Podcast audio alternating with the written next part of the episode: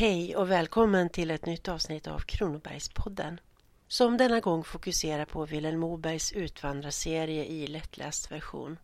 Hittills har två böcker av fyra bearbetats, Utvandrarna och Invandrarna. Och den som har utfört en helt enastående bedrift med att förkorta varje bok från cirka 600 sidor till en tredjedel är Cecilia Davidsson, själv författare och dessutom bördig från tolg varför hon kan sitt Småland. Hon har på ett beundransvärt sätt hållit fast vid den röda tråden där hon har skalat bort många utvikningar och sidospår för att minska formatet men ändå vara huvudberättelsen trogen. Hon har också känt in Mobergs språk och gjort det till sitt eget när hon har återgivit böckernas innehåll i så grovt nerbantad version.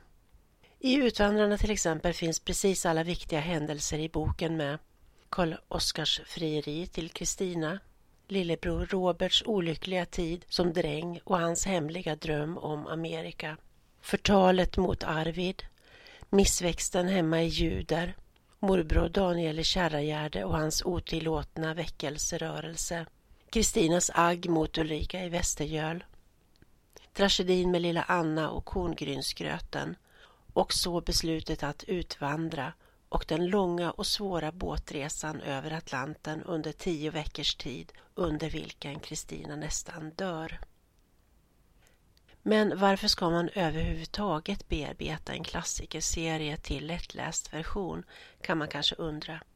Vilken publik tänker man sig och vilka svårigheter stöter man på i ett bearbetningsuppdrag av den här arten? Jag ställde de här frågorna till Cecilia Davidsson. I hur pass hög grad tror du att lättläsbearbetningen av Vilhelm Mobergs Utvandrarna har bidragit till att aktualisera intresset för hans romanserie? Oj, det var en svår fråga. Jag tror att det jag har märkt och det som glädjer mig mycket det är ju att det är många nya svenskar som läser Utvandrarna och förhoppningsvis också kommer läsa Invandrarna. Alltså SFI-elever, att man använder boken på det sättet. Och eh, det är ju en eh, fin ingång till svensk skönlitteratur. Det är en grymt imponerande bedrift att skära bort ungefär en tredjedel av ett romanbygge på cirka 600 sidor och ändå lyckas bibehålla en så pass vital kärna och ryggrad. Vad betraktar du som det allra mest centrala i verket som du tog med dig i den här transformationsprocessen? Det vill säga de bärande fundamenten som också gör den här berättelsen så mäktig?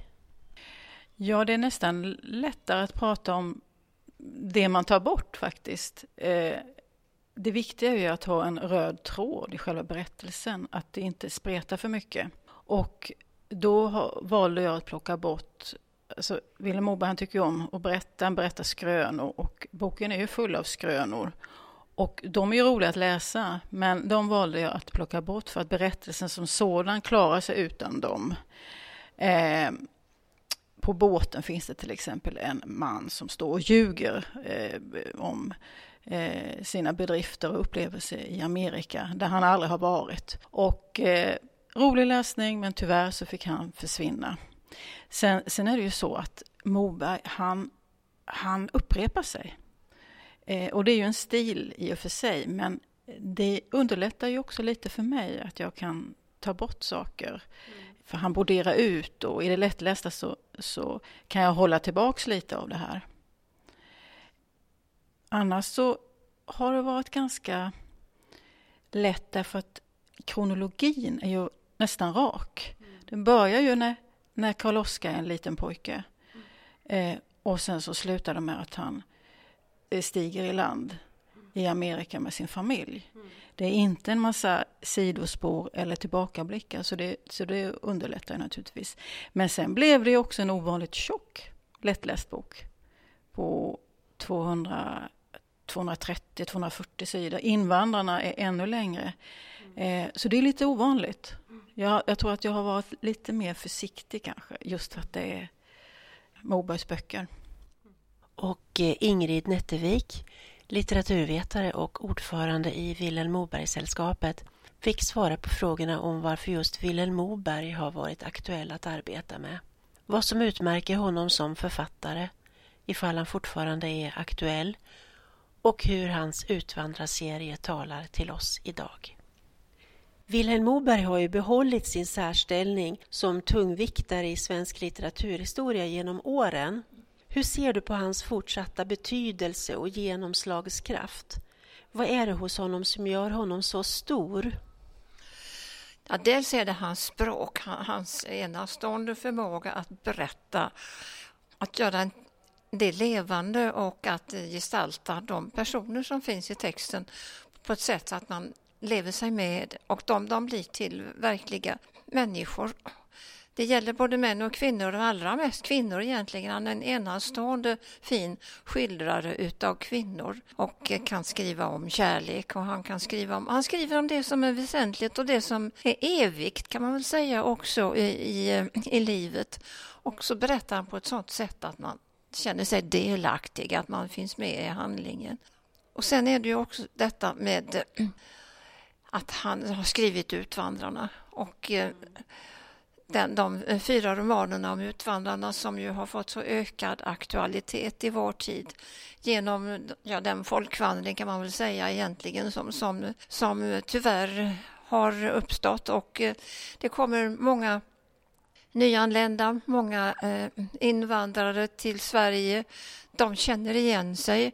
De vet precis hur det känns att lämna det som är välkänt, välbekant och kommer till nya miljöer där eh, språket kan de inte och de, kan, de, de vet inte vad som gäller, vilka regler som gäller och det är alltså allt detta nya har han också lyckats skildra på ett sådant sätt, det obekanta och, och, hur, och det, det, viktigt är också att hans utvandrare som blir invandrare, att de eh, kan anpassa sig och man kan se att det, det, går bra för dem och det kan du också göra för dem som kommer till Sverige och som verkligen vill bli en del av vårt land. Jag tycker att här kan man se Vilhelm Mobergs betydelse men, men också naturligtvis för den uppväxande generationen. Det är viktigt att våra barn och unga får, får läsa texter som berättar om det som är viktig historia i, i, i vår tids historia och gör det på ett sådant sätt, ett språk som är levande.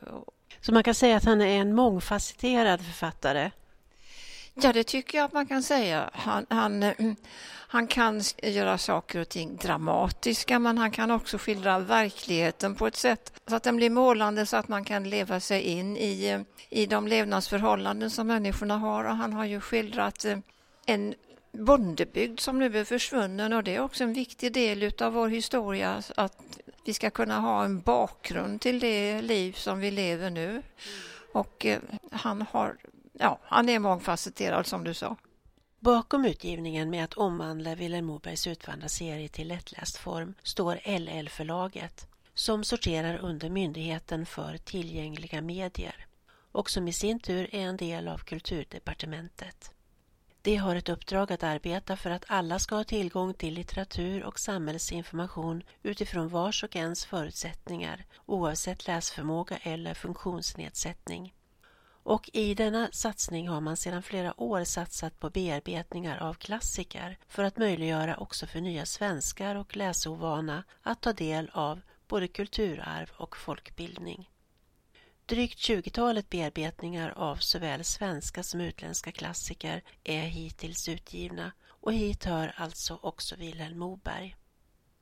Men hur är texten egentligen då i lättläst nedkortad version? Här kommer ett smakprov ur Invandrarna. Det är avsnittet Annas skor ur kapitlet Att klara livet över vintern. Varje kväll bad Kristina aftonbön. Hon bad när Karl-Oskar hade somnat. Hon ville inte att någon annan än Gud skulle höra henne. Den här kvällen ändrade Kristina på sin vanliga aftonbön. Hon bad Gud att låta henne få komma hem och träffa sina föräldrar och syskon igen. För Gud var ingenting omöjligt, tänkte hon. En stund senare kände hon Karl-Oskars hand på täcket. Handen sökte hennes hand. Kristina, jag trodde du sov, Karl-Oskar. Någonting väckte mig. Hur är det med dig, Kristina? Det är ingenting. Ingenting. Sov du bara. Kristinas röst var tjock. Hon kunde inte dölja att hon var ledsen. Men varför ligger du vaken? undrade Karl Oskar. Åh, inte för något. Det är bara dumt och barnsligt. Karl Oskar höll hårt i hennes hand, så hårt att hon blev förvånad. Är vi inte de godaste vänner? sa han. Jo, Karl Oskar, det är vi. Men då ska du berätta allt. Om du kämpar med något så ska vi hjälpas åt. För de godaste vänner ska hjälpas åt. Kristina svarade inte. Till slut sa Karl Oskar. Om du vill att Gud ska flytta dig tillbaks till Korpamoen så sträcker jag ut min hand, arm och håller dig kvar här. Hans ord var bestämda. Kristina förstod nu att han hört hennes aftonbön. Jag har förstått att du inte trivs här. Du längtar tillbaks till Sverige, sa Karl Oskar. Kristina ville berätta allt för honom, allt vad hon kände. Det var plågsamt att vara ensam med tankarna. Hon ville inte gömma sin sorg, särskilt inte för den hon var gift med. Hon förklarade för Karl Oskar. Hon var inte missnöjd med det nya hemmet. Hon trodde precis som han att de skulle få det bra. Men ett land kan inte förvandlas och bli ett annat. Amerika kunde aldrig bli Sverige. Hon var bara 26 år. Resten av livet skulle hon leva i Amerika. När hon tänkte på det kände hon en stor plåga. Kristina lilla. Karl-Oskar höll kvar hennes hand. Han höll så hårt att det gjorde ont, men han sa ingenting. Kristina frågade, saknar du aldrig ditt gamla hem? Det händer väl någon gång, svarade han. Ibland saknade han hemlandet. Så var det väl för alla som hade utvandrat, men han försökte att inte tänka på det. Han behövde sina krafter till annat. Det var inte bra att gå omkring och grubbla. Karl-Oskar satte sig upp i sängen. Jag ska hämta någonting åt dig. Hon hörde honom gå över golvet. Han gick bort till Sverigekistan. När han kom tillbaka hade han någonting i handen. Det var ett par små trasiga skor. Annas gamla sko! sa Kristina. Ja, de hjälper mig att komma ihåg, sa Karl-Oskar. Käre Karl-Oskar. Du minns vintern när flickan dog för oss? Ja, det var vintern då jag gick med på att utvandra. Jag har väl nästan ångrat det ibland, men jag står kvar vid att jag sa ja. Jag anklagar dig inte för något, Karl-Oskar. Nu var det Kristina som tog hans hand. Mellan dem på täcket låg de gamla skorna som tillhört deras älskade Anna. De var gjorda av en skomakare i Juders socken. Nu var skorna här i Amerika. Det påminde föräldrarna om fattigdomen i Sverige. Flickan dog för att hon var hungrig. I Amerika skulle deras barn inte behöva svälta. En gång ska våra barn tacka oss för att vi flyttade till Amerika och deras barn kommer att tacka oss. De kommer att säga att du och jag gjorde rätt som utflyttade från Sverige, sa Karl Oskar. Han ville säga en annan sak också. Det var på tiden att deras nya hem fick ett namn. De hade bott vid sjön så länge nu att de borde döpa sitt nya hem. När de flyttade hit hade Kristina sagt att stället liknade Duvemåla, att det var nästan lika fint här som hemma. Karl-Oskar tyckte därför att deras nya hem skulle heta Duvemåla. Kristina blev glad över hans förslag. Hon tog hans hand igen och höll den kvar. Då är namnet bestämt, sa Karl-Oskar. Karl-Oskar och Kristina talades vid länge. Kristina talade om allt det som hon brukade sakna. Vårljuset där hemma, törnrosbusken och äppelträdet.